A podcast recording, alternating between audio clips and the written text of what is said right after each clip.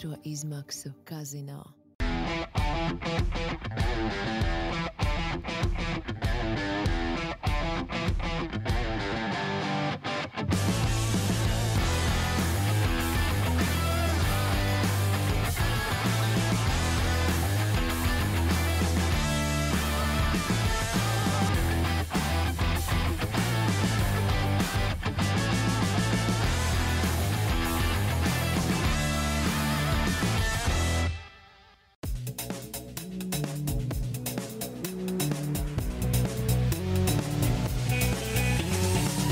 F1 LV podkāsts. Labdien visiem Formule 1 līdzjutējiem! Lasvegas lika mums celties ļoti agri. Šajā nedēļas nogalē viņiem pašiem notika viss ļoti vēlu, bet nu, izskatās, ka mums kopumā nedēļas nogale tomēr ir izdevusies. Neskatoties uz to, ka sākās viss ārkārtīgi dramatiski. Ar norautu jumtu, nu gandrīz norautu jumtu. Bet par to mēs parunāsim ar Jānu kā vienmēr. Un šis ir atgādājums vēlreiz pirmspēdējais podkāsts šajā sezonā. Tā kā pilnīgi noteikti mēs arī nedaudz jau tojamies sezonas izskaņā, esam nedaudz noguruši no sezonas, bet no šīs acīm šodien jāsaka, bija ārkārtīgi aizraujoši. Sveiks, Jāni! Jā, Čau visiem! Sveiciens Latvijas svētkos. Nepavēlti šīs posms tika nosaukts par LVGP. Jā. Jā, te gan kaut ko raksta mūsu komentāros, ka nedzirdam. Es nezinu, es ļoti ceru, ka tomēr dzirdam. Aha, viss kārtībā. Tomēr dzird. Ļoti labi. Uh, nu ko, uh, nebija jau jumts norauts. Tur drīzāk bija pagrabs izrādīts. Bet, uh, Kā jā, tas nu, ir jumts? Starp citu, bruņojupačiem ninzām tas ir jumts. jā, nu redz, pastāstiet, cik es ekrānā izstāstu liels un tu tik maziņš. Nu, Redz, tā, tā man sarigulēja. Jā, Nē, tāda dzīve. tā dzīve. Jā. Jā, nu, mēs laižam svētdienā. Nebūs svētdienā. Svētdienā, izskatās. jā, ielī, esam, esam, esam eh, normāli ielīgojuši. Mm, jā, nu, vēlreiz, tātad bez, eh, bez, eh, bez, bez, bez eh, jokiem. Sirsnīgs sveiciens visiem valsts svētkos. Ļoti, ļoti, ļoti no sirds visus sveicu par stipru Latviju. Ķeramies klāt LVGP, jeb Latvijas valsts Grand Prix, kas notika Lasvegasā kaut kāda dīvaina iemesla dēļ, bet uh, aiziet. jā, nu, tā ir labākā vieta, ko varējām noīrēt. Jā, dārgākā noteikti. Jā, bet, ja runājām ā, nopietni, tad ā, man gan nav apstiprinājums šim faktam, bet man vismaz divi cilvēki rakstīja par to, ka kvalifikācijas tiešraides laikā, kas bija uh, Latvijas dzimšanas dienā tieši. Tas Eifeļa tornis, ā, ne īstais Eifeļa tornis, nu, amerikāņu vien, ka īstais Eifeļa tornis. Nu, pašam tika- dīt var, tad jau viss. nu. Jā, tika izgaismots sarkanbalts, sarkanās krāsās. Hmm. Uh, Vai tā bija sagadīšanās, vai nē, es nemāku teikt. Man nav informācija vairāk par to. Es arī tā rāts kaktiņu pamanīju to, bet tā kā negribēju izgāzties, ka es domāju, ka nu, varbūt tā vienkārši ir.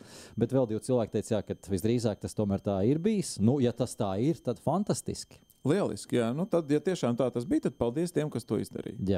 Pat ja tā Mēs nebija, novērtējam. domāsim, ka tā bija Jā, un jutīsimies ļoti pagodināti. jā. tieši tā. Labi. Par formulu mēs runāsim ļoti daudz, tomēr neskatoties uz visu. Parunāsim arī par uh, ūdens apgādes sistēmām un atgaisošanas ventīļiem. ā, Arī šajā podkāstā, jo tieši ar to sākās Lasvegas lielās balss izcīņa. Viens no tādu ventīļu vākiem tika norauts, lai gan viņš bija iebetonēts. Ā, Kā izrādās, tad tas betonējums diemžēl netur tās slodzes, ko piedāvā Formule 1 mašīnas, kurām zem grīdas faktiski ir uh, vakums tajā brīdī, kad tiešām strādā pilnvērtīga aerodinamika, tad tas uh, spiediens ir ļoti mazs, jau, jau, jau tuvojas vakumam. Un, uh, nu, šī ir tā lieta, par ko kritizēja ļoti daudz arī skatītāji, protams, uh, organizators, rīkotājs un tā tālāk. Tā joprojām. Es negribu ļoti aizstāvēt visus viņus, bet daži objektīvi iemesli un apstākļi arī ir tajā visā tomēr. Jo pirmkārt, trase pirmkārt izveidota pēdējā brīdī, jo viņa ir iela trase, kas eh, visu laiku ir jānodod publiskai izmantošanai katru dienu. Ka pat, kad tur notiek eh, darbs, tas notika naktīs un vakarstundās, ļoti, ļoti vēlās vakarstundās. Pārējā laikā tas ir eh, tur autobus brauc, tur mašīnas brauc, vispārējais. Tas ir objektīvais iemesls. Līdz ar to nevar arī palaist kaut kādas formulas, kā citās trasēs uzbūvēt trasi un nedēļu pirms F1 palaiž mazākas formulas, vienalga F2, vienalga kaut vietējo čempionātu pārbaudu, visas tiesneši, visas, visas procedūras, vispārējo. Šeit to nevar izdarīt. Tā kā ir objektīvās lietas, eh, bet, protams, eh, jebkurā gadījumā pēcgarša ir ļoti slikta. Vēl ar izdzītiem skatītājiem no tribīnēm tā situācija pēc piekdienas bija, es teiktu, tuvu katastrofāla. Un jau tagad ir skaidrs, ka ir uh, tiesas process jau sākt, ir jau iesūdzēt tiesā ir Formula 1. Un kā nu viņiem veiksies, lai viņiem veids, būs jāmaksā droši vien kaut kas kompensācijā šajā gadījumā. Bet, uh, nu, pēc svētdienas, es nezinu, kā tev, Jānis, bet mēs jau runājam, gan es zinu, apmēram kā tev. Uh, pēc svētdienas tomēr tā sajūta ir patīkama, ka daudz maz viss ir kārtībā. No sportiskās puses arī bija interesanti. Jā, nu, pirmkārt, mums ir jāatvainojas par tehniskajām ķibelēm, kas ir ar to saucamo pīkstēšanu fonā. Uh, Mēs tāpat kā mēs, mēs solidarizējamies ar Lasvegas Grand Prix, viņiem bija tehnisks ķibels, mums ir tehnisks ķibels, neko tur darīt nevar. Diemžēl, tāpēc ļoti atvainojamies par to. Cerams, ka mūs gan neiesūdzēs, bet nu, kā, kā ir tā, kā ir, tā ir. Jā, mēs ņemiet par labu, mēs cenšamies. Šodien, jā, jā, jā nu, mēs ne, neapvainosimies, jā, lai arī būsim ļoti bēdīgi. Jā. Tā kā, tā kā tā, uh, nu, ko lai saka, nu, es teiktu, ka šis posms tāds ļoti bija. Nu, man patika, ka viņš bija tāds tā kā, mm, divveidīgs. No, no sākuma tas viss sākās ar tādu žēlīgu, žēlīgu pieeju tam visam. Nu, gan tās tehniskās ķībeles, gan tas viss negadījums, nepatīkamais skatītājiem, gan Maksa Verstapena. Uh, tiešie izteikumi par to, ko viņš vispār domā par to visu balīti, un, uh, un ka viņš tur jutās kā klauns un tā tālāk, un tā joprojām, kuru kaut kādā ziņā pilnīgi noteikti viņu var arī saprast. Uh, Bet uh, neskatoties to, ka viņš šoreiz šajā posmā uh, ļoti daudz kritikas virzīja uh, posma nu, visam tam, kas ap to posmu notiek, tad pēc finiša viņš dziedāja citu dziesmu. Un zini, kas ir? Mēs visi, man liekas, dziedājām pēc finiša citu dziesmu. Un tas īstenībā ir forši, jo, ja mums tiešām, um, ja mums tiešām ir jāpanes kaut kāds grūtāks sākums, tad ir lieliski, ka tas beidzās ar tik uh, foršu, foršām beigām. Jā, tieši tā. Sacīs šodien izdevās kopumā.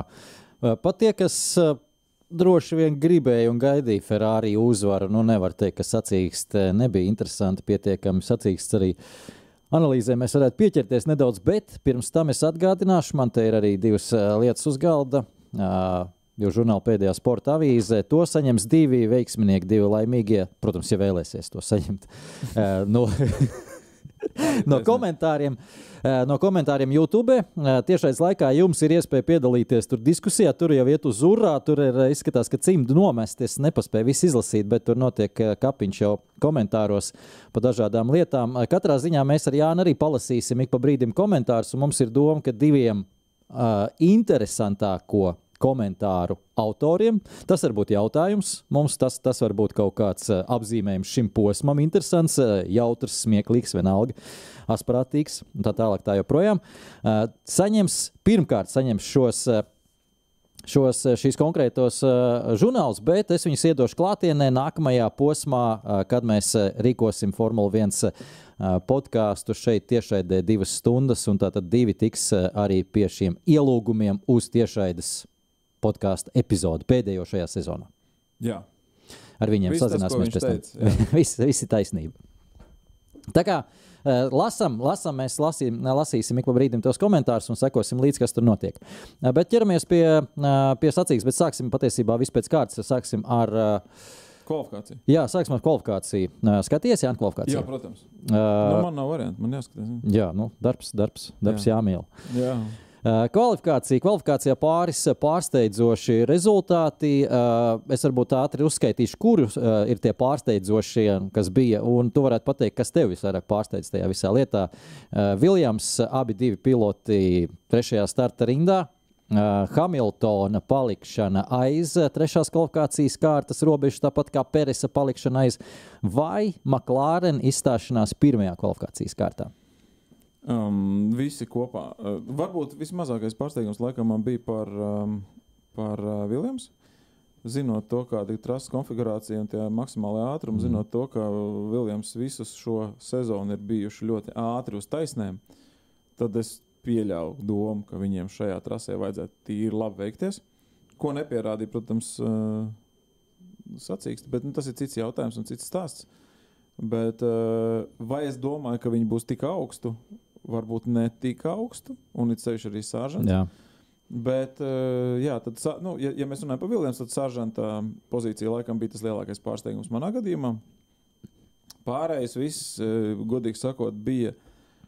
Nu, teiksim tā, tajās pozīcijās varēja būt jebkurš, kurās bija Maklārens un kurās bija Hamiltons un tā tālāk. Tāpēc, ka mēs zinām, kas notiek ar jaunām trasēm, mēs zinām ar to, kā tā trase iebraucās un paliek lipīgāka. Un tas viss ir atkarīgs no tā, vai tu īstajā brīdī, īstajā laikā esi trasē un tev ir sagatavots riepas, lai tu varētu uzšaut apli. Un neviens tev tajā pasākumā nav patraucējis. Jā. Tāpēc tā ir tāda liela, liela loterija, kurā vienmēr būs kāds pārsteigums, kurš vai nu krīt ārā, vai nu ir kaut kur augstu. Ne tik, au, tik augstu, kā, tam- kā mēs esam domājuši, tāpat kā bija piemēram pagājušajā gadā arī Magnusena pole positions Brazīlijā. Jā, Ja? jā. Tāpēc eh, šādos eh, it kā nemainīgos laikapstākļos, bet eh, Trases apstākļos. trases apstākļos. Nu, man tas nepārsteidz. Es jau gaidīju, ka būs kaut kāda brīnuma. Tie brīnumi arī bija. Jā, man prieks bija par ā, Sāržantu no šī visa, jo tiešām pie Albona mēs esam pieraduši. Albons mums ir pieradinājis pie panākumiem. Viņš gan ielika arī bortās nedēļas nogales laikā, bet ā, kā teica James Volvs, komandas vadītājs, tad te nu mēs redzam rezultātu tam, ka Logans Sāržants beidzot ir iesācis nedēļas nogali tādā pašā līmenī vai no tās pašas vietas, kur iesāka Aleks Albons. Tātad jau ar pirmo treniņu sesiju, nu, pirmā labi ne, neskaitīsim, bet jau ar otro treniņu sesiju viņš spēja atrast pamata regulējumus, no kuriem pēc tam būvē tālāk nedēļas nogali. Uh, Es šo teicu, starp citu, arī uh, tiešraidē, jo, manuprāt, tā bija tieši tā problēma, kas bija Mikam Šumacheram vēl pirms sezonas. Viņam sezonā bija kopumā divas sacīkstes, kur viņš sāka tādā veidā, kā līdzīgi kā Magnusens ar, ar pamatregulējumiem, atrast, atrast jau pirmajā treniņā pamatregulējumus, kur tu jau sāc viņus pielāgot, pēc tam tu jau vairs tikai pielāgo, nevis meklē vēl viņus. Tas, tas nav normāli. Pārējos viņš visur meklē, skaidrs, ka viņš ir soli, pussoli, divus soļus aizmirst komandas biedriem visiem pārējiem. Tā tālāk, tā joprojām. Tāpēc arī tāds rezultāts. Un Lūk, Sāržants, ja viņš būtu, kur viņš bija kvalifikācijā šajā sacīkstē, proti, 0,1 līdz 0,2 sekundes aiz Albona, mēs vispār nevienā brīdī nebūtu runājuši par to, ka viņš ir jālaiž vaļā sezonas beigās un ka jāmeklē kāds cits. Mēs teiktu, ka lielisks debitants, priekš Viljams līmeņa, priekš Viljams komandas, viss ir kārtībā. Turpinam. Man te ir jautājums. Lūdzu. Tu, Ja tu visas- ceri uz kādu ielūgumu? Ja visas trases būtu kvadrāta, taisnstūra vai romba formā, Kvadrāta, taisnstūra vai tā 90 grādu pagriezieniem, tu domā? 90 grādu pagrieziens un taisnīt ar DRS, 90 un taisnīt ar DRS. Nu, es teiktu, ka arī Lasvegasā nu, tas braukšanas talants laikam tomēr bija otršķirīgs. Vairāk bija. Tas būs, tas būs tāds pārsteidzošs, secinājums Nu, no nu. manas puses. Bet man liekas, ka braukšanas talants bija otršķirīgs. Vairāk bija jautājums par uh, to, kā performēs pats bolīds. Jo nu, tā trase, jā, tur bija daži līkumi un tā tālāk. Jā, viņi izskatījās pēc apgrieztas cūciņas, ja, uz kājām gaisā. Bet kopumā, nu, samērā vienkārši. Ja neskaita to, ka tā ir pilsētas trase un, un, un, un tur tās apmales ir tuvu. Es teiktu, ka Konfigurācija? Bija, jā, Jā. konfigurācija bija super vienkārši. Kas atkal apliecina to, ka arī tādi nu, varbūt mazāk talantīgāki piloti varēja diezgan labi noperformēt. Nu. Bet par sāržantu vēl viena lieta. Mums visu laiku ik pa brīdim rādīja, tas bija treniņos, man liekas, arī kvalifikācijās, neatminos, rādīja to, ka cik tuvu pilots piebrauc barjerām. Un uh, Sāržants treniņos piebrauca vismaz, uh, tas bija nevis iekšmalā, bet ārmalā, uh, tajā pie tā borta, kur viņš noglāstīja. Vismaz divreiz noglāstīja un divreiz vēl piebrauca ārkārtīgi tuvu. Un pēc pirmās reizes varētu domāt, ah, kļūda. Mm. Ja izdara otro reizi, nu, muļķis. Ja izdara ceturto reizi, viņš tā vienkārši brauc. Mm -hmm. Tas nozīmē, ka viņam ir pārliecība par to, ka tā mašīna turēsies. Un uz tā uzauga arī viss pārējais, vai tā pārliecība atnāk, ņemot vērā, ka ir viss pārējais. Es nezinu, kā tur tā kārtība. Līdz ar to es drīzāk teiktu, ka Sāržants iegūta tik ļoti labu pārliecību, nu šobrīd tajā, tajā posmā, ka viņš varēja arī braukt brīvi un varēja uzticēties mašīnai, ko tā izdarīs un ko tā spēs un tā tālāk. Uh, un atbildot uz to, ko tu saki par to vienkāršo konfigurāciju, jā, konfigurācija pilota arī teica, ka salīdzinoši vienkārši, bet tas lielākais izaicinājums bija pavisam cits. Šajā gadījumā par uh, riepām gan uh, kvalifikācijā ar diviem, dažiem, dažiem p- pilotiem, gan ar trim iesildīšanās apļiem, turklāt ar atdzesēšanas apli pa vidu. uzsildīt riepas un panākt to temperatūru un noturēt to temperatūru. Un to jau arī minēji. Tā kā nu, te nav bez, bez izaicinājumiem, pilnīgi noteikti. Un Hamiltona sliktā pozīcija arī bija no tā atkarīga, jo viņš savā iesildīšanās procesā aizķērās aiz Lansa Strola savā iesildīšanās pēdējā aplī pirms lidojošā apļa. Un eh, otrajā kvalifikācijas kārtas pirmajā mēģinājumā viņš bija 0,1 sekundi ātrāks par Džordžu Ruselu. Otrajā mēģinājumā, kur viņš aizķērās, un viņa temperatūra, riepas temperatūra bija 4 grādus zemāka nekā Ruselam. Tas vismaz pēc telemetrijas tā bija. Viņš bija 0,6 sekundes aiz Rusela, un līdz ar to arī netika ārā no otrās kvalifikācijas kārtas. Kā viņš pats teica, nav uzreiz saķers vispār. Tā, kā, tā ir tā mazā nianse. No malas skatoties, to vienkārši skatoties, liekas, ka nu, Hamiltons nu, švaks, nu, nemā, nu, salīdzinot ar Ruselu švaks. Palielam, jā, Vai bet, nu, sāržantu, ja tu gribi teikt? Nē, nē, nē ar Raselu. Raselu. Nu, ar Sāžantu jau pasakā Dievs. Tur viena komanda mēģinām, mēģinām likt, jo te, te ļoti svārstās. Protams, kā Jānis teica, tiešām, ja Viljams viss, viss, viss sacīks būtu kvadrāti, 9 grādu līkuma taisnīt, viss būs kārtībā. Bet, Varbūt Viljams būtu kaut kāda otrā konstruktora. Nu, nebūtu jau. Droši vien tāpat būtu astotie, jo tad visas pārējās komandas taisīja tās mašīnas tādas skaidrs. Jā, Ka, jā. bet tā kā pārējās trases jau tādas nav, tad no visi tomēr to vidējo rēķina kaut kur. Jā. Tā kā tā. Jā, ko tu no manis gribi? ko, ko, ko tu te vispār atvilkies? Nē, nu, tu tā pasaki ko, pasaki, pasaki, tagad man kaut kas jāturpina, bet es nesaprotu, ko tu gribi no manis. Labi, nu, par, katrā ziņā, eh, labi. par ja McLaren vajag- vēl par ja ja kvalifikāciju. Ja vajag tur uh, paslavēt sāžantu, tad es viņu nepaslavēšu. Nu, baigi ilgi jau mēs. Protams, tālāk. Jā. Uh, labi. Tad uh, par uh, McLaren. McLaren tēmas sacīkstē mēs redzējām, ir, uh, bija ļoti labs izgāšanās kvalifikācijā. To uz sevis uzņēmās šoreiz Andrejs Stela. Viņš teica, ka mēs bijām pārāk, latviešu varētu teikt, iedomīgi laikam. Šajā sakarā izmantoja lietotā sastāvā riepas uh, pirmajā kvalifikācijas kārtā. Tā sastāv arī. tas ir. Es gribētu zināt, kas tās ir. Tās ir Tas tāds sastāvs. kādas. Nē, noskrāpētās. Jā, skaidrs. jā. Nu, nav gulētas naktis, nu, nepiekasies. Tā tad lietotā sastāvā riepas. Jā, Maklāra izmantoja, uh, iepērās, iepērās nepatikšanās. Lietotā, jā. Jā. Iepērās nepatikšanās, netika ārā no pirmās kvalifikācijas kārtas, tāpēc tik švaka starta pozīcija. Startā, uh, tas bija 4. aprīlis Lando Norrisam arī pamatīga avārija. Sacīkstē Lando Norris uh, arī Andrejā Stēla skaidroja, pēc tam izskatās, ka tur bedra bijusi visu laiku, jau visas nedēļas nogalas garumā, bet uh, augsts riepas nav uzsildīts. Lando Norris trāpījis tajā bedrē, nobluķējis aizmugurē riteni samets sāniski, ir to visu. Uh, viņš ir aizsūtīts starp citu uz slimnīcu, nevis tikai uz uh, trases medicīnas centru, mm. bet pēc tam no turienes uz slimnīcu aizvests. Ir, Jā, jo- sitiens jau bija kaut kas Jā, sitiens bija diezgan pamatīgs, vēl papildus pārbaudēm. Nu, tagad, tagad jau ir atpakaļ jau kādu laiku jau no, no slimnīcas. Izskatās, ka viss ir kārtībā tur ar Lando. Nesatraucieties, bet nu, tas sitiens bija nopietns. Jā, uh, dzirkstēls bija baigi daudz. Īstenībā vispār šis posms bija tāds baigi dzirksteļojošs, jo varēja redzēt arī tad, kad um, pirmajā treniņā, kas Sainz uzbrauc tā, tā, tā bruņu rupuču ninju vākam, Jā. tad tur arī ak, Dievs, kas tur gāja pa gaisu. Vispār paldies Dievam, ka ar Sainz viss ir kārtībā. Tur varēja notikt viss ļoti nopietni. Es saprotu, ka kaut kur es lasīju, ka viņam esot bijis pat tā, ka viņš tur nu, kājas nejūtas uz kaut kādām dažām sekundēm pēc tā sitiena. Jā, jā, es kaut ko tādu lasīju Twitterī šodien. Es ne, negribu izplatīt baumas, protams, bet nu, ka esot, nu, tā, ka, nu, ka esot tas sitiens no apakšas bijis tik stiprs pa muguru. Un, nu, kā, Viņš Nu, to kas- pats ir teicis, vai to kāds tas- ir izdomājis? kas to lai zina? Ja viņš nav Katrā jūtas ziņā- kājas, es šaudos, ka viņš tik pielaists. Viņš tik pielaists Nē, kaut kur. Nu, es jau runāju par to, ka varbūt zin, kā, notirpa vai kaut kā nu, dēļ tā sitiena. Jo mugurkauls ir mugurkauls. Mēs zinām, kā ir Jā. tas. Jā, un, un viņi tomēr ir tā diezgan stingri ā, iepresēti tajās mašīnās tur iekšā. Un, ja tā mašīna dabū triecienu, tad pilots, protams, par savu ķermeni arī dabū diezgan lielu triecienu. Un tas vāciņš, es atvainojos, nu, tāds normāls. Un tāds normāls, jā, puļķis tur, jā. Tāds, tāds ritīgais bija. Jā, tā kā labi, ka visiem viss labi. Un uh, labi arī, ka Norisam visdrīzākais viss ir labi. Nu, es nedomāju, ka tur būs kaut kas baigi nopietns. Uh, pārbaudīt vajag, uh, un, un, un tas, ir, tas ir tikai normāli. Uh, un, un arī pati tā avārija pēc, pēc būtības. Nu, kāda avārija? Nu, jā, nu, tas negadījums drīzāk, nu, jo viņš jau bija vienīgais tur iesaistītais. Tad, tad, Pagaid, par Sainz tu runā, Nē, par Norris? par Lan- Ah, jau runāju, jā, jau par jo mēs par sacīkstu tomēr runājam. Tad, tad eh, nu, viņa bija tāda dīvaina, ja pavisam godīgi. Tāpēc, ka, jā, skaidrs, ka tur bija kaut kāds tāds tā kā. Nezinu, pampaks, tramplīns. Es nezinu, kas tas ir. Tev, tur, tā kā bija. Tur Nu, sit arī jā. dzirkstels jau treniņos. Jā, vietā. bet uh, kaut kā viņam bija pa daudz viņa sakrustoja, un bija pa daudz viņš viņu mēģināja noķert to formu. Un, protams, tajā, tajā brīdī, kad tā, mēs esam to daudz, daudz, daudz reizes redzējuši, ka tās saķers.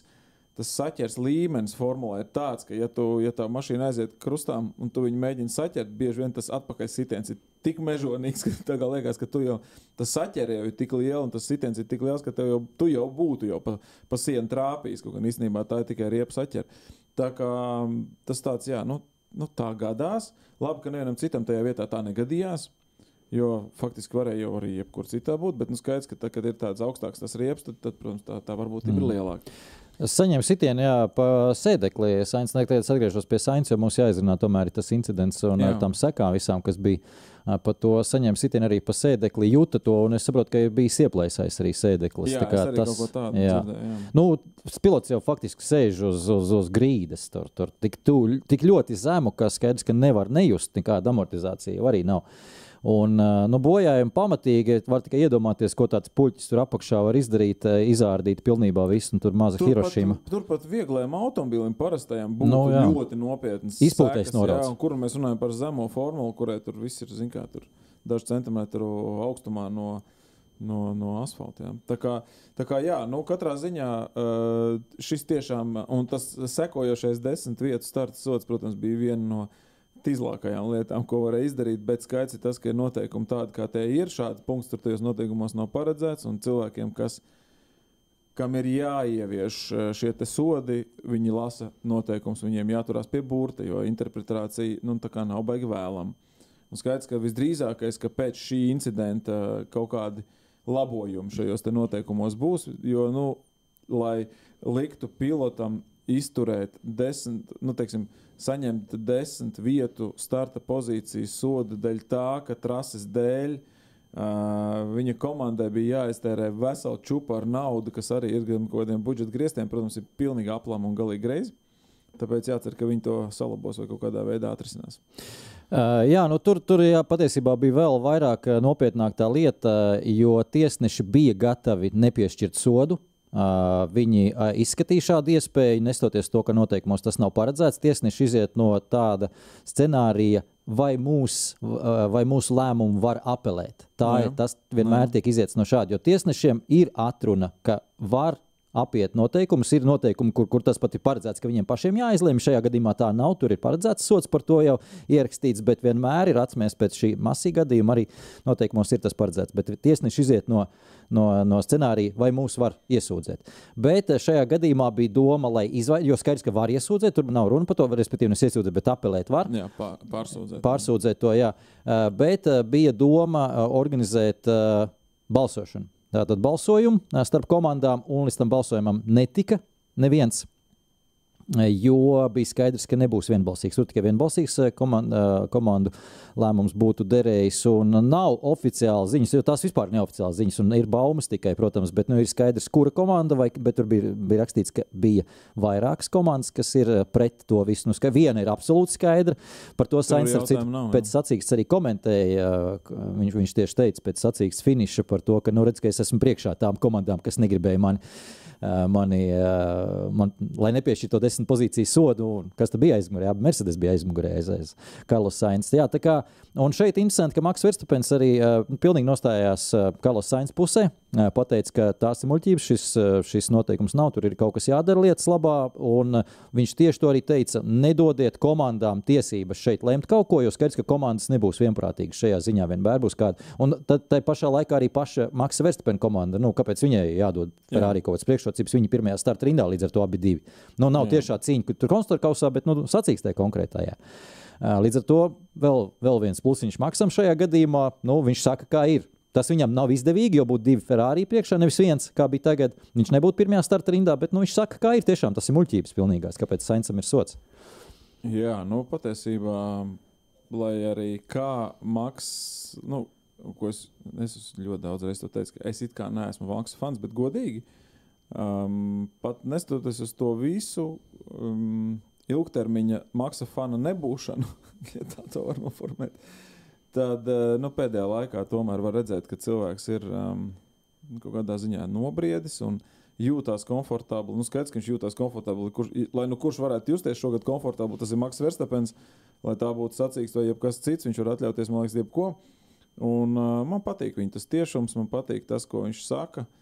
Um, jā, ir ok. Man patīk arī tas, ka viņš šajā gadījumā nu, arī nu, atcirta Toto Wolfa komentāriem par šo incidentu. Arī, uh, kur Toto Wolfs atkal bija minējis, ka nu, ko jūs tur, kā jūs vispār varat uzdrīkstēties, tur kritizēt uh, Lasvegas posmu, bla, bla, bla. Nu, nav taisnība to tā. Nu, tiešām nav. Nu, šajā gadījumā skaidrs, tavs intereses mums ir skaidrs, bet nu, nevajag to tik klāji. Ja? Tāpēc, nu, Kāds viņa intereses? Nu, kāds intereses par to, ka Ferrari sots ir desmit vieta? Nu, tas ir, tās ir viņa intereses. Nu, nu, kas saņem iešķiept to sodu. Ja? Nu, tad, tad tas ir normāli. Nē, nē, nu. pa sodu viņš nekritizēja. Tur bija runa, ka Toto Wolfs eh, teica, ka atļāvās uzbraukt visiem žurnālistiem, kas kritizēja posmu. Nu, pa sodu tur nebija runa. Viņš par sodu teica, ka nu, slikta situācija. Vasūrs blakus sēdēja to brīdi preskonferencē. Jā, jā nē, tur Ok, nebija tas. A, palaidu tu redzēji to? Nē, es viņu neskatījos. Nē, nē, nē, tur nebija par to. a- a- a- Lasīju Vi, tālāk. viņš ā, ar, ar, ar F burtiem nolamāja žurnālistu, kurš teica, ka šis negadījums, nevis sots, bet negadījums, Jā, jā, ok. trases negatīvība ir kā black eye Formulē 1. Es saprotu, jā. Mm. Uh, un, un, kad, kad Nu, jā, nu, respektīvi, tas bija kaut kādā ziņā saistīts ar to, Jā. bet ne, ne tādā veidā, varbūt, kā es to saprotu. Okay. Nu, jā, jebkurā gadījumā, nu, kā bijis, tā bijis. Pats posms, pati sacīkste mums noteikti nelika vilties. Es jau te komentāros redzu arī cīņas visādas par to, ka dā, nu, tikko viens pasakā, ka nu, bija garlaicīgs posms, tad pārējie viņam saka, nu, neskaties vispār. Nu, patiesībā, jā, nu, šis nebija garlaicīgs posms. Draugi, mīļie, nu, šis nebija Nebija, garlaicīgs posms. Pie tam, uh, teikšu godīgi, Tad, kad es jau sajūtu, ka Maks atkal vinnēs, manī iezagās tā sajūta, ka nu, tagad man vajadzētu atkal justies, ka ej, viss ir slikti atkal. Bet tas posms nelika man tā justies. Tāpēc, ka tiešām tur bija viss, ko vajag, tur bija interesanti. Un, un tur pat bija tā, ka Alonso vienkārši paņēma un pats nokļūdījās pašā startā. Ja? Jā. Uh, jā. Daudz, daudz ko varētu teikt vēl jā, par, par to posmu. Jā, es, es jau ar Jānu aizklausījos, teicu, viss ir slikti. Uh, atbal, viss slikti LV. Ja. Atbalstītāji ik pa brīdim parādās uh, Twitterī. Un, uh, man, man kopumā šāda attieksme kaitina pa dzīvi. Nevis, nevis tikai par Formuli 1 runājot par dzīvi. Jo, ja kāds, kāds kaut ko kritizēs, ja, ja veči roka bedri un pienāk kāds un sāk kritizēt, es vienmēr saku, dodiet viņam lāpstu un mm. parādi, tad, kā ir jādara. Un to var attiecināt uz visu. Nu, tad pasaki, kā ir pareizi, kas bija jādara Jā. Pareizi. Jo neiedziļinoties no malas, nu visi gudri. Un visiem ir Twitter, kā jau teicu, mikrofons ir pielikts. Visiem pie mutes, visi tagad runās un visi ir gudri. Bet parādiet, kā ir jādara. jau teica, ka mikrofons pie citas vietas, bet Nu, bija nevar to, jāaizkadrā, jā, nevar to. Šeit nevar to teikt.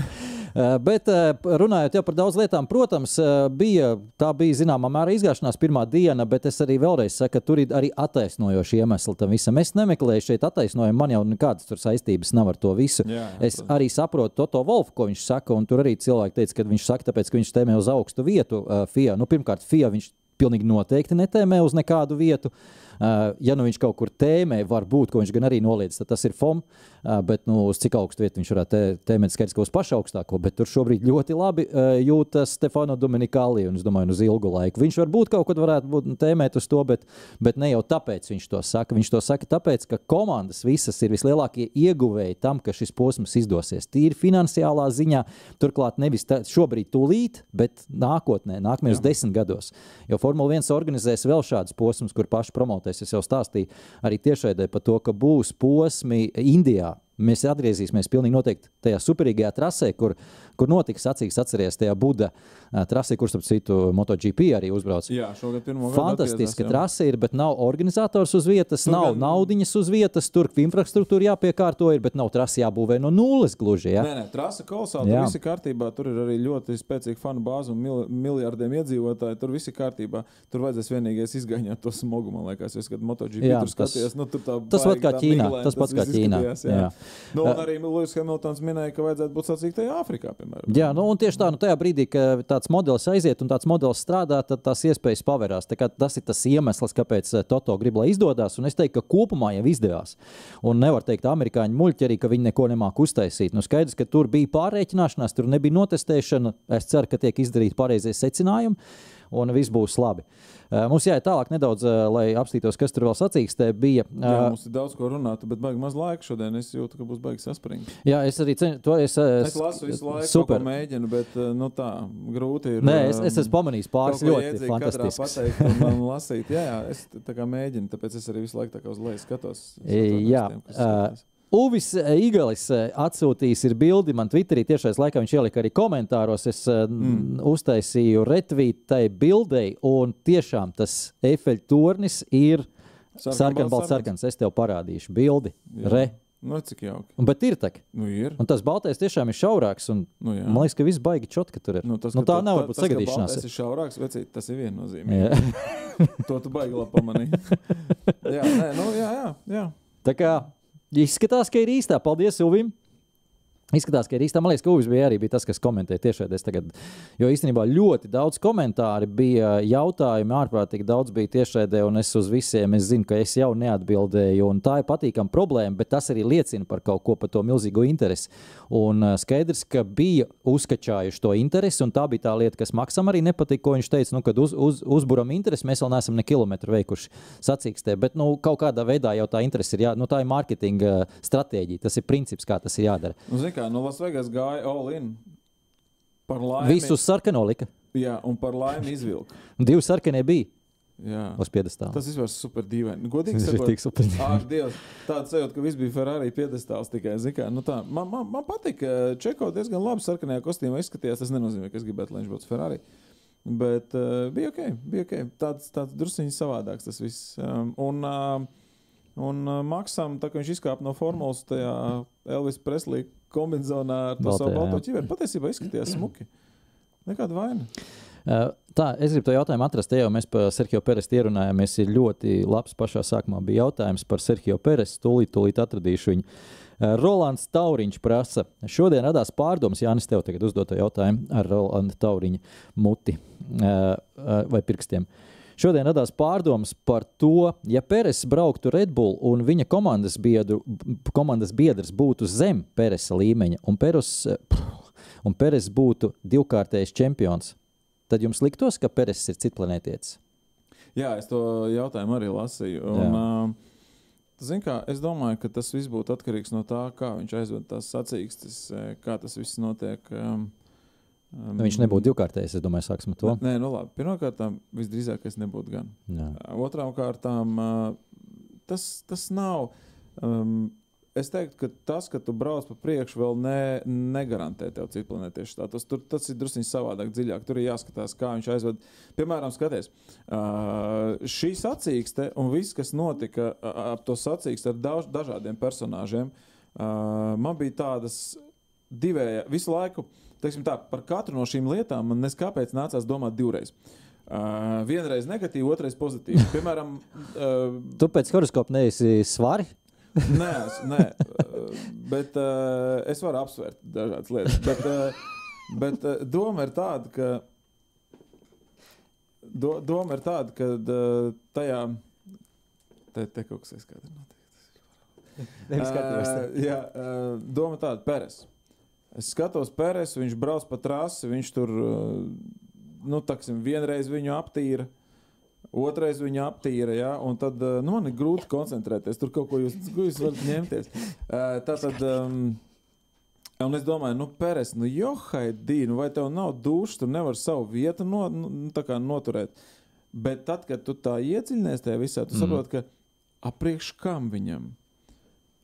Viņam vajag, lai ir stabils otrais viņš. Ja? Nu, respektīvi, lai viņš to kopērtējumu sakārto. Un patiesībā dienas beigās viņš to savu otro vietu kopērtējumā ir sakārtojis. Tas patiesībā arī bija maksimums, ko viņš šajā sezonā varēja paņemt. Tā viena vieta uz augšu vai uz leju, vai arī izstāšanās, kas viņam tā kā nokancelē uzreiz attiecīgi iespēju jau nodrošināt šajā posmā šo otro vietu, jeb šo vidas čempionu statusu. Es domāju, ka nu tā, ja tu, nu, nu, tu Mhm. saprati to. Sapratu, jā. Tad no sākuma man likās, nu, tu lohs. Ja? Un pēc tam es domāju, nā, nē, varbūt nemaz tā nav. Vienkārši tu domā ar galvu, un, tu saproti, ka tu vari pariskēt vai kaut kur pagāzēt, bet īstenībā tev, nu, ja tur dive bombu kāds taisa, un Leclerc šodien bija dive bombu dalītājs numur viens, tad es teiktu, ka tas ir ok. Nu, man nav ko pārmest Peresam. Skaidrs ir tas, ka viņš ir lēnāks. Un viņš, nu, ja mēs salīdzinām ar Verstapenu, bet nu, tur neko nevar darīt. Jā, es kāpēc te uztaisīju to tracēju? Balagānu aizkulisēs. jā. Es vienkārši eju cauri komentāriem, es piefiksēju vienu baigi labo komentāru. Pasīvs betonējums. es es turpmāk šādu izmantošu. Pasīvs betonējums. Šit, Tas šitas, ir jā, tas, ko mēs, noda, ar ko mēs nodarbojamies podkāstā. pasīvs betonējums. Tā kā tas man dikti patika, līdz ar to es piefiksēju vienu cilvēku, kas potenciāli varētu pretendēt uz vietu, uz vietu nākamajā, nākamajā, Jā. nākamajā Bet, podkāstā. bet reku, es arī nu, nu, lasu komentāros, un es jūtu, ka LVGP, un es tā neaizdomājos, bet arī uz piedestāla bija tieši tas pats sarkan, Jā, balts sarkanais. Jā. Es domāju, pats, nu, kaut kāda sakritība tajā visā ir. Tomēr pārāk daudz šī, šo sakritību. Tur ir kaut kāda mistika tajā visā ģēlā. Ideālis. Uh, jā, uh, mums bija pāris incidenti sacīks laikā, par viņiem gribētu parunāt. Jānis būs īstais cilvēks, kam prasīt, uh, kam tur taisnība, kam nē. Par daļbombu viņš jau runāja, tātad, lai izskaidro vispirms Latvijas, ko tas nozīmē. Jo nu, Leclerc vismaz pirmajā līkumā nedalīja daļbombu, viņš saņēma vienu no Maksa nu, Verstapena. tas bija tā. Nu, tad izstāstīja, kāds tavs domas par to. Tā bija Vai brutāla. pienākās sots arī?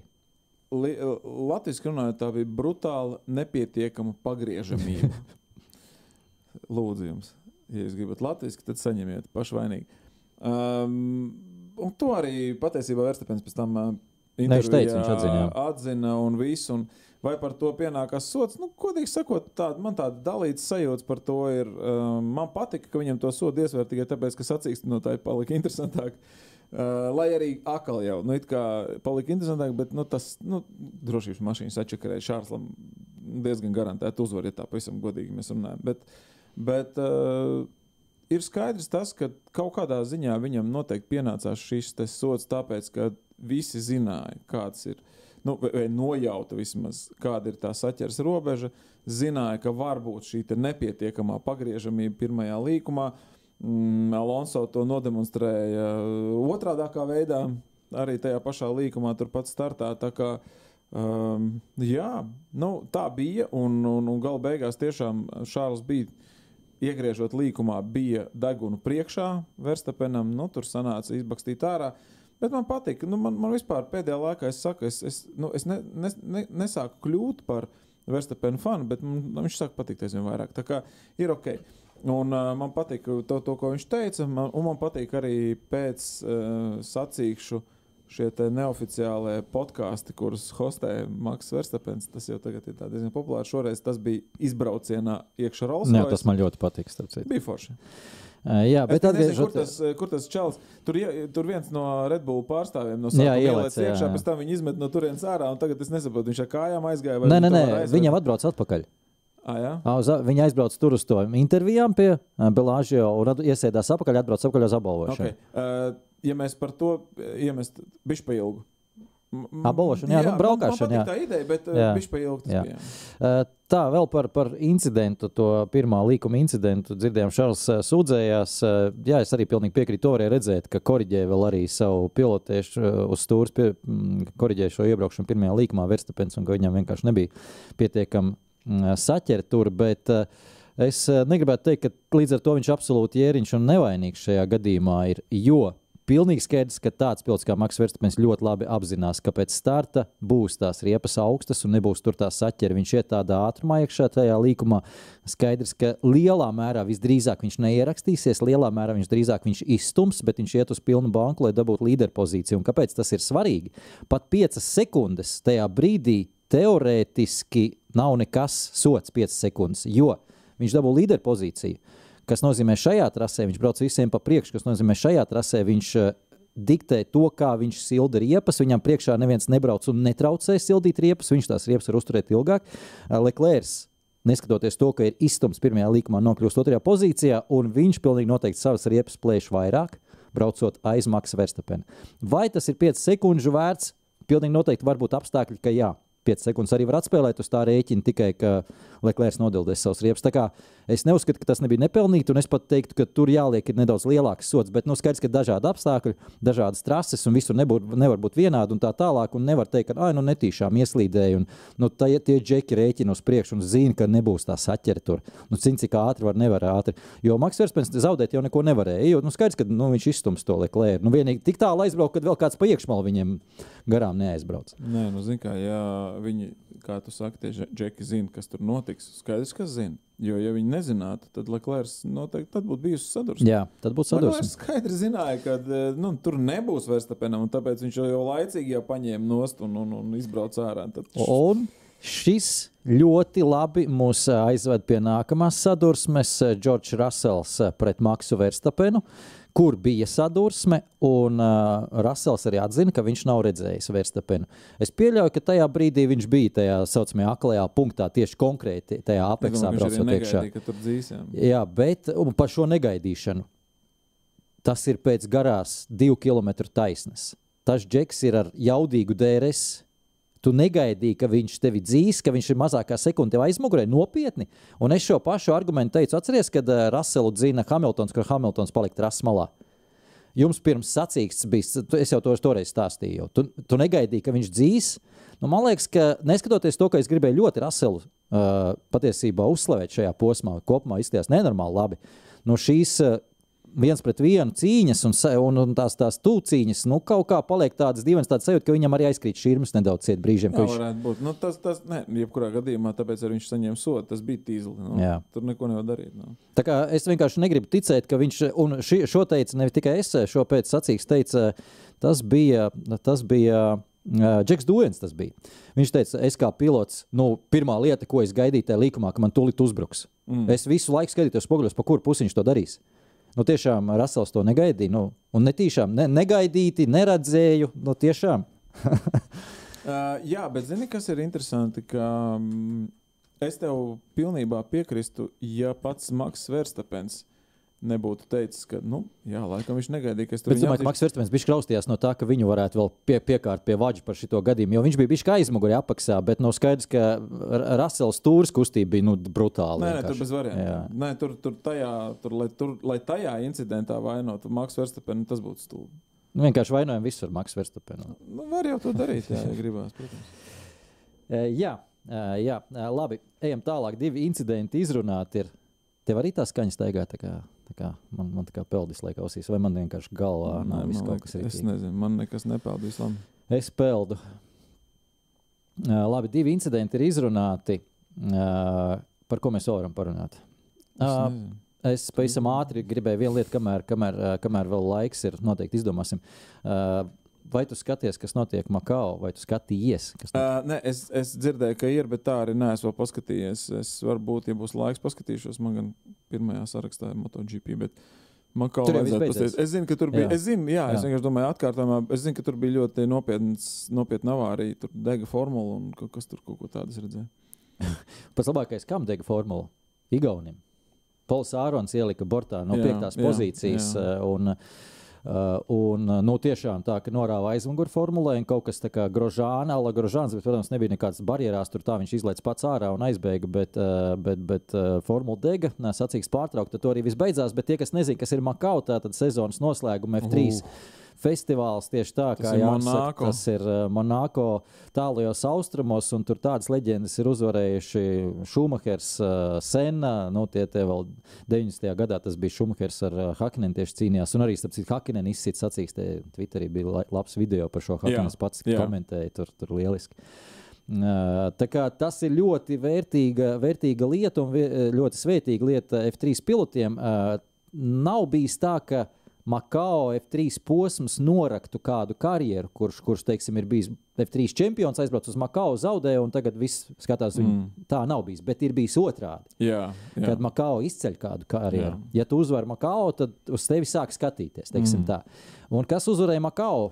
Uzvarēja gan kvalifikācijā, gan pēc tam kvalifikācijas sacīkstē, gan arī šajā sacīkstē. Luks Braunings uzvarēja.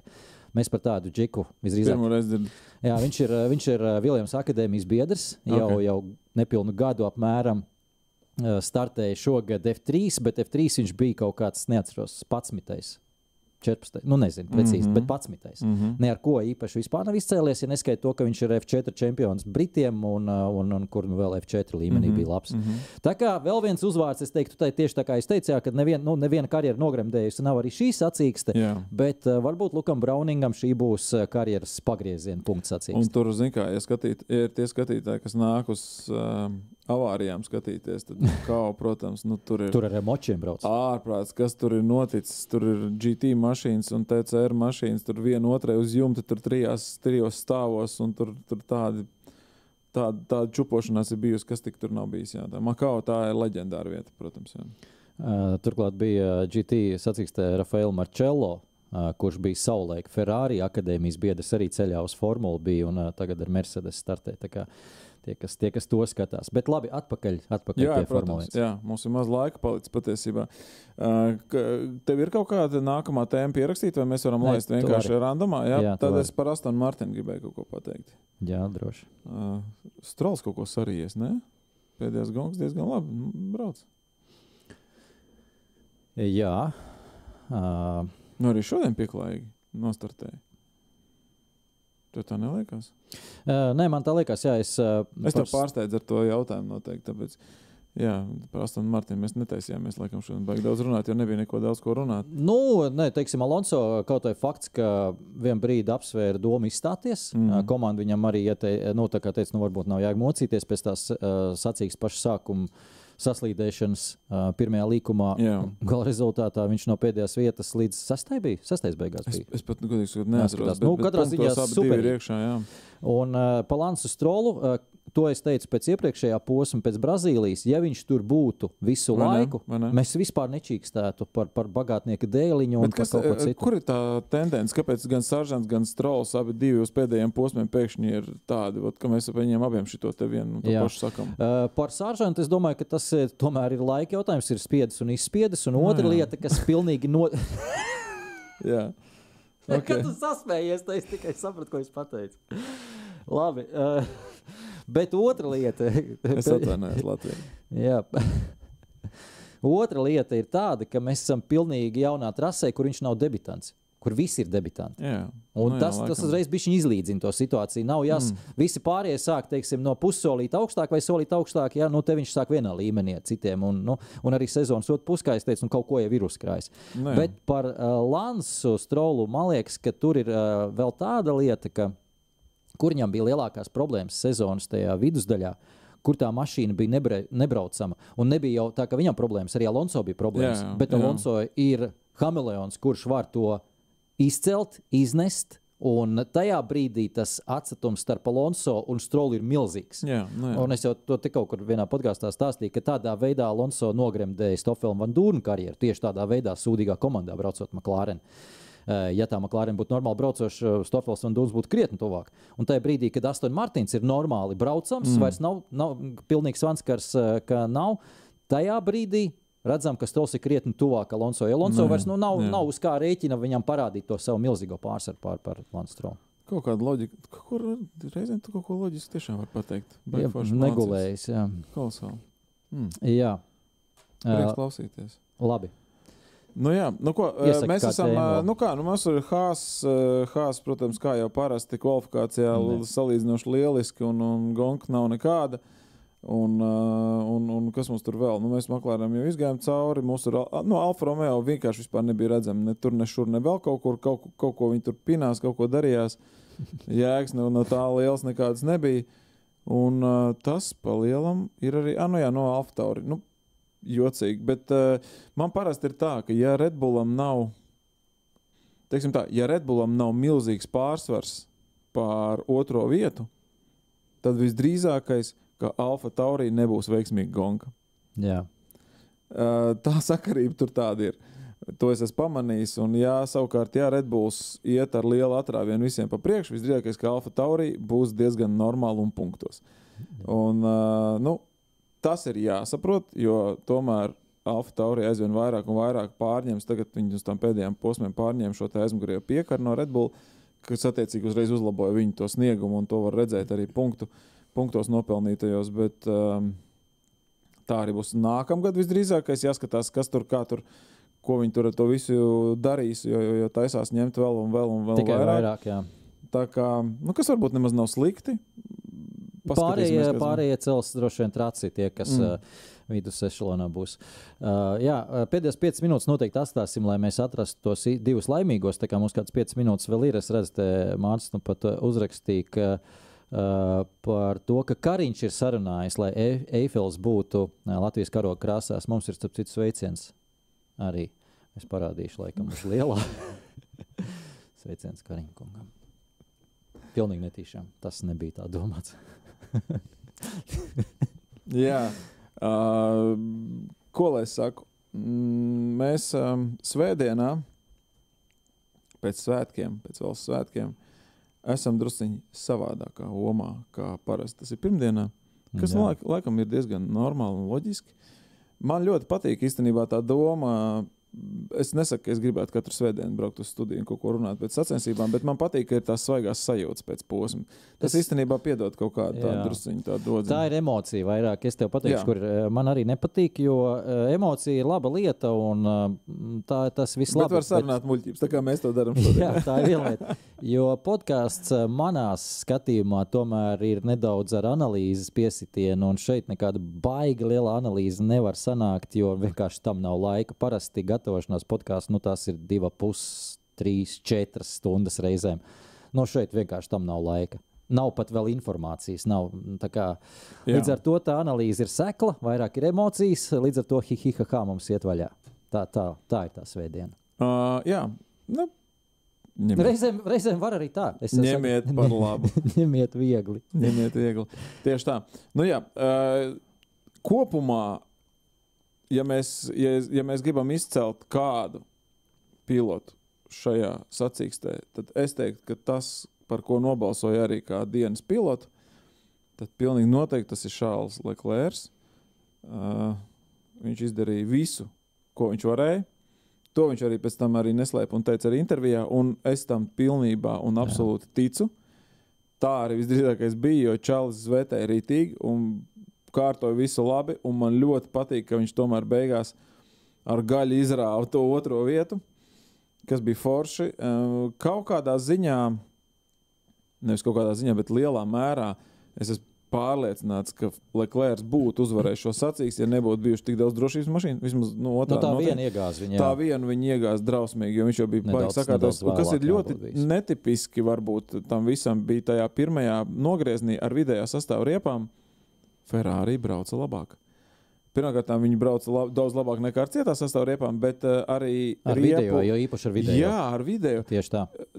Kā tās riepas tika saglabātas, tas tēmas, kad eh, Red Bullam jau kritās tēmas, tad Reku Šārls paņēma vienkārši uzspied un trasē apdzina Verstapenu. Līdzīgā cīņā ar tādām pašām riepām, ar tikpat vecām riepām noķēra un apdzina Verstapenu. Dāmas un kungi, tas šogad man liekas, ka nav īsti noticis.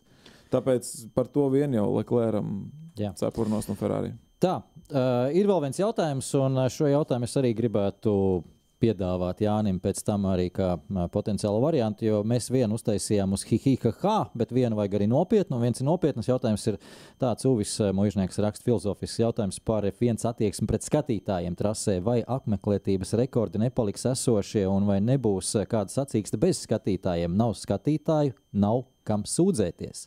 Nu, šeit nevar nepiekrist patiesībā. Uh, Nē, ņem vērā divas lietas. Pirmā lieta. Bez skatītājiem nekas nebūs. Jebkurā gadījumā, ja tas nav Covid laiks, protams, tas ir viens.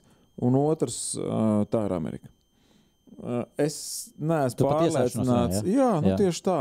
Nu, ja tas būtu Ungārijā vai vienalga kādā citā tur, tur valstī, diez vai vispār kaut kāda tiesas prāva tajā visā būtu, nu, tur pabrēkt kaut ko, kaut ko zin, kā, paņemt kaut kāds tur 200 dolāru voucherīšus un aiziet un paraudāt spilvenā. Uh, tā ir Amerika, tā ir Amerikas specifika arī tāda, un tur bija skaidrs, ka tas bija gaidāms, ka tā būs, un, Amerikā vispār tur, kur, ja tu redz, ka tur ir liela nauda un viņi var paņemt kaut kāds ar tiesu, tad kāpēc, lai to nedarītu? Bet Liberty ir labi juristi. Es domāju, ka tur nav. Jā, nu nav redzēsim, problēma. skatīsimies, kā un kas, kas beigās par to maksās, vai vispār kāds maksās. Katrā ziņā tā ir tāda Amerikas specifika, tāpēc es baigi par to neuztrauktos. Uh, jā, bet te ir nedaudz cita cit, uh, tendence, ne, ne konkrēti par šo tiesāšanos, bet uh, par to, kas arī paslīdēja tajās emocijās Toto Wolfam, kur viņš sabrēca uz to uh, žurnālistu. un Viņš teica, ka kuram tas interesē, tā piekdiena. Uh, tajā, tāpat Eiropā to neviens neskatās tajos laikos. Tas nozīmē, ka principā Toto Wolfs ar to pateica, ka tie skatītāji uz vietas, ka mums vispār viņi ir pie kājas. Mm.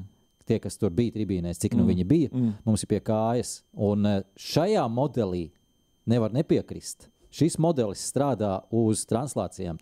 Un, uh, tas, tas uh, uz vietas, tas skatītāju skaits ir apmēram forši, ka viņi ir. Viss ir labi, bet mēs varam arī iztikt bez tā. Tieši tāpat kā Bahreinā, nav skatītāju uz vietas. Nu, tā, kā, tā ir tāda interesanta tēma, un, ja mēs tā skarbi tai pieejam, tad tur var, ā, var visu kaut ko atrast. Bet ā, skaidrs, ka tā pati mm, ceturtdienas atklāšanas ceremonija, savukārt, pa ko visi te cepās, ka tur nekā nav. Nu, draugi, mīļie, jūs skat, sēdējāt uz dīvāna, skatījāties to, jūs nebijāt uz vietas. Mm. Tur uzstājās ā, pasaules ā, līmeņa mākslinieki ar saviem labākajiem hitiem. Sertīs Sekundes Tomārs tur sāka dziedāt, iesāka šo atklāšanas ceremoniju, ka mēs būtu uz vietas tur bijuši. Es domāju, mēs citu dziesmu dziedātu. Un tas bija domāts priekš tiem skatītājiem, kas ir uz vietas. Jo mums viņi iedeva pa brīvu to atklāšanas ceremoniju Twitterī ar nobīdi.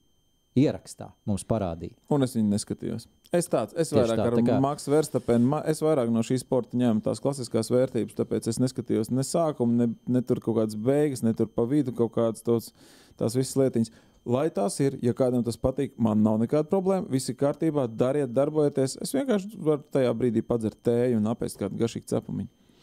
Uh, jā, tā kā tā, tev un mēs par okonu, jā, mēs, mēs par okonu neparunājam. Nu, labi, uh, ķeksītim. Malāts okols. Viss forši. pabrauc garām, pabrauc garām Gazlī. Izlikās, ka- piečakarēja, viss, viss savāds, Izlikās, viss ka nedzird Jā. komandas pavēles. un Kā viņš, Jā, pats, viņš pats taisnojās gan pēc tam, ka, nu, ja būt, nebūtu sanācis, ja būtu atdevis to pozīciju mm. Mm. atpakaļ, kā vienmēr komanda, mm, bet, bet jā, nu, nedzirdēja mm. neko darīt. Labi, labi, bet viņš Labi. bija ātrāks šoreiz. Nē, nē, viss, viss cieņa, nu, kur, kur tad tur gandrīz līdz piedestālam aizstiepās, Nu, tur nebija tālu. Labi, tad, Viņam patīk kvadrātēnās trases, tāpat kā pārējiem tiem, kam nevisai sanāk braukt. Jā. labi, labi, labi, labi. Joks, tas bija joks Latvijā. Tas bija joks. Uh, labi, uh, kā tu skaties uz šādu sadalījumu? Tad es pirmo izvirzu uz kandidātiem Mār, Mārcis, laikam Mārcis, apstīšos vēlreiz, man ir pierakstīts Mārcis, kurš uzrakstīja pasīvs betonējums. Es kā bijuši sajūtos, kā bebē brokastīs. Man te bija arī, man patika, ka izviest reiz bija ielicis tur tādu čatā, tā, kad ne, nav neviens uzvar, uzvaras vērtīgs komentārs, tāpēc es u, u, ielikšu šo te un ieliku dzeltenu, dzeltenu, ne, zilu keponu ieliku kā komentāru. nu, jā, nu, ja jau, ja jau jokojam, tad jokojam, nu, kāpēc nē. Um, man, godīgi sakot, uh, svētdienas uh, vieglā, agrā pēcpusdienā visi cilvēki kaut kādā brīnumainā kārtā patīk. Un es biju arī es sāku gribēt, tāpēc es gribu braukt mājās. Paēst. Tāpēc iedod kaut kādus, paņem kaut kādus, visi, kas te tiešām varēs atbraukt. Visi būs forši cilvēki. Visdrīzākais mums te būs interesants raidījums, jebkurā gadījumā. Un, Gan jau uh, mēs jebkuru divas stundas izturēsim. mēs arī laidīsim pie vārda viņus, tā kā būs jārunā. Un otrs piesaka Uvi, Uvi Muižnieku, tā kā šis jautājums bija arī. Bišķiņ no nopietnās tēmas. Tad uh, mans priekšlikums ir sekojošs. Uh, es uh, sazināšos ar Mārciņu un ar Uvi. Un reizes, ja, reiz tu teici, ja, mums paliek rezervē, jo pastāv iespēja. Mums jau viens atkrita, un līdz ar to mēs meklējam divus šajā, šajā raidījumā Jā, dalībniekus. Tā kā mm. Atgādinu vēlreiz, saņems, saņems abi dalībnieki. Šo un vēl arī ielūgumu uz nākamo posmu, uz noslēdzošo posmu, kur būs jārunā. Tātad Mārcis un Uvis un Reis mums ir rezervistos. Jā man meita vakar, kad, kad Formula 1 rādīja, viņa tāda, tas ir Landon Norris. Un tur tiešām bija Landon Norris. Kur? Televizorā. Telzorā? Jā, mm. viņa tā pastāstīja, tas taču ir Landon Norris. Viņš ir ķiverē. Pēc tam ķiveres krāsojums ir cits. Cits, jā. Bet viņa tā, tas ir Landon Norris. Ā, varbūt visi- tēvs bija lepns. Bet varbūt viņi, viņi pa visiem saka, tas ir Landon Norris. Nē, kas, nē, viņa, viņa, kurš, kas nu, tas viņai varēja būt varbūt viens no diviem nošaut Jā. garām, nu tā kā oranžais, jā, Jā, tā kā, nu, ok. tā kā papāja. Bet tēvs bija lepns. Ar to mēs varētu arī raidījumu beigt. Kā tu Jā. domā? Jā, varētu beigt. Raidījumu. Labi, paldies, paldies, ka skatījāties traka svētdienā, traka nedēļas nogalē. Mēs tiksimies ar jums pēc nedēļas. Tā gan būs pirmdiena, ierastais laiks 11. Ā, Skatieties, būs divas stundas jautrības. Ā, Šeit būs daudz cilvēki un cerams, ka nekas nepīkstēs. Svētdiena kā sestdiena un vēl rītā brīvdiena. Atā.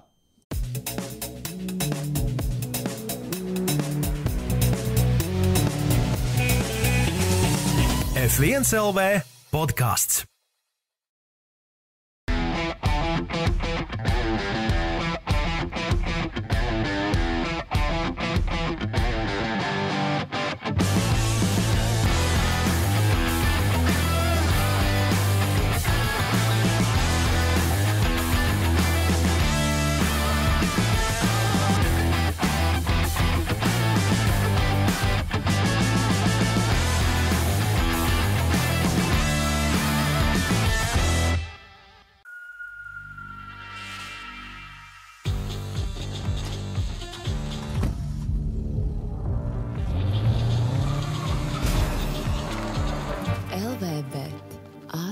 LVB ātro izmaksu kazino.